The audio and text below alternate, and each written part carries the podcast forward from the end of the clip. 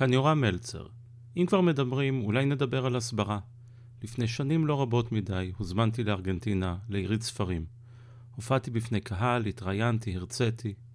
ביום לפני שהייתי צריך לטוס חזרה ארצה, פנו אליי מהשגרירות בבקשה לפגוש קבוצה של צעירים יהודים, מתנדבים פעילי הסברה.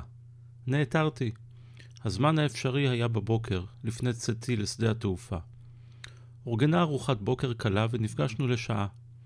מה אפשר לומר על הסברה במפגש של שעה? כיצד לומר את האמת על העניין המשונה הזה? ראשית, יש לדעת על מה מדברים, נכון? ובכן, ביקשתי מהצעירים לומר לי כיצד הם היו אומרים הסברה בספרדית.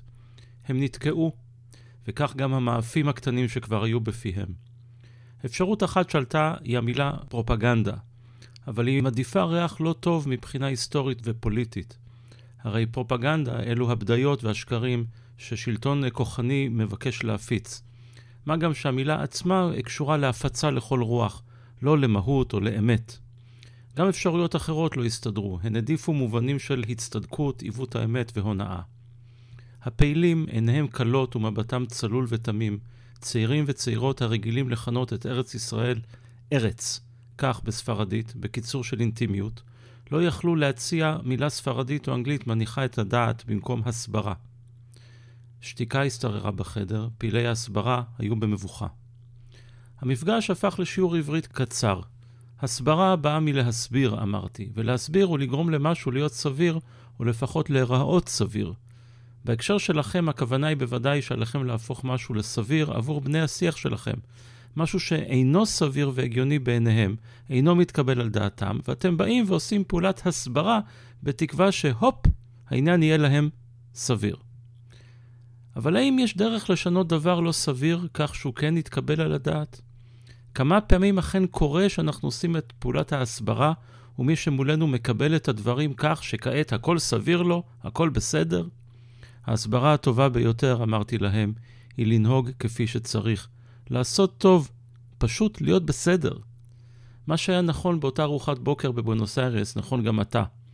אלא שבינתיים הסברה הייתה לדת, ומי שאימצו אותה באדיקות ומאמינים שרק היא, ממש רק היא, ניצבת בינינו ובין קבלת עמדת הממשלה או עמדת היהודים החיים בציון או בארץ, הם למעשה מיסיונרים. ובמה נבחן מיסיונר? במספר הנפשות שהוא הצליח להמיר. זאת המטרה העליונה בעולם ההסברה, המרת האחר מאמונתו השגויה, הסוטה, הכופרת בעיקר, והצטרפותו לאמונתנו. ובדיוק כמו במיסיונריות הקתולית, הסברה רואה את העולם במונחים מקוטבים, בשחור ולבן, הלנו אתה או לצרינו. האם אתם איתנו או נגדנו? והמיסיונר תמיד מתפלא, איך מי שמולי לא רואה את האמת? והמיסיונר גם רוטט מתקווה, אם רק השני יקשיב, אם רק אשגר לעברו את המסר המילולי הנכון, שיפגע במקום הנכון, הוא יהיה חייב להשתכנע, להכיר בתבוסתו, בניצחון האמונה הנכונה. העולם, אגב, מכיר מיסיונרים, ובני תרבות מזהים אותם מיד, בעיקר אם הם פונדמנטליסטים. הלהט, השכנוע העצמי, הפסקנות המגיעה להיסטריה, כמו את צווחותיו של הנשיא הרצוג הבן, They are killing my children! כך הוא צווח, מוכרים מאוד.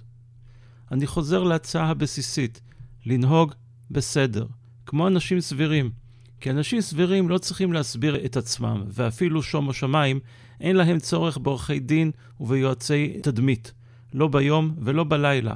לא כשאצבעם קרבה אל ההדק ולא כשהיא נשלחת למקלדת. ומה שאינו סביר, לא רק שלא צריך לנסות לכפות אותו על דעתם של אנשים, אלא שמוטב לא לעשותו. ופרופגנדה היא מפלטו של החלש במעשים, שלא פעם אינו אלא שליח מטעם דת ההסברה, ואפילו נבל ברשותה. אז הנה דיברנו על דת ישראלית משונה, על הסברה לא סבירה, ועל מיסיונרים בשירות האומה ששכחה מה זה לנהוג בסדר. כי אם לא, עדיף לשתוק, לא?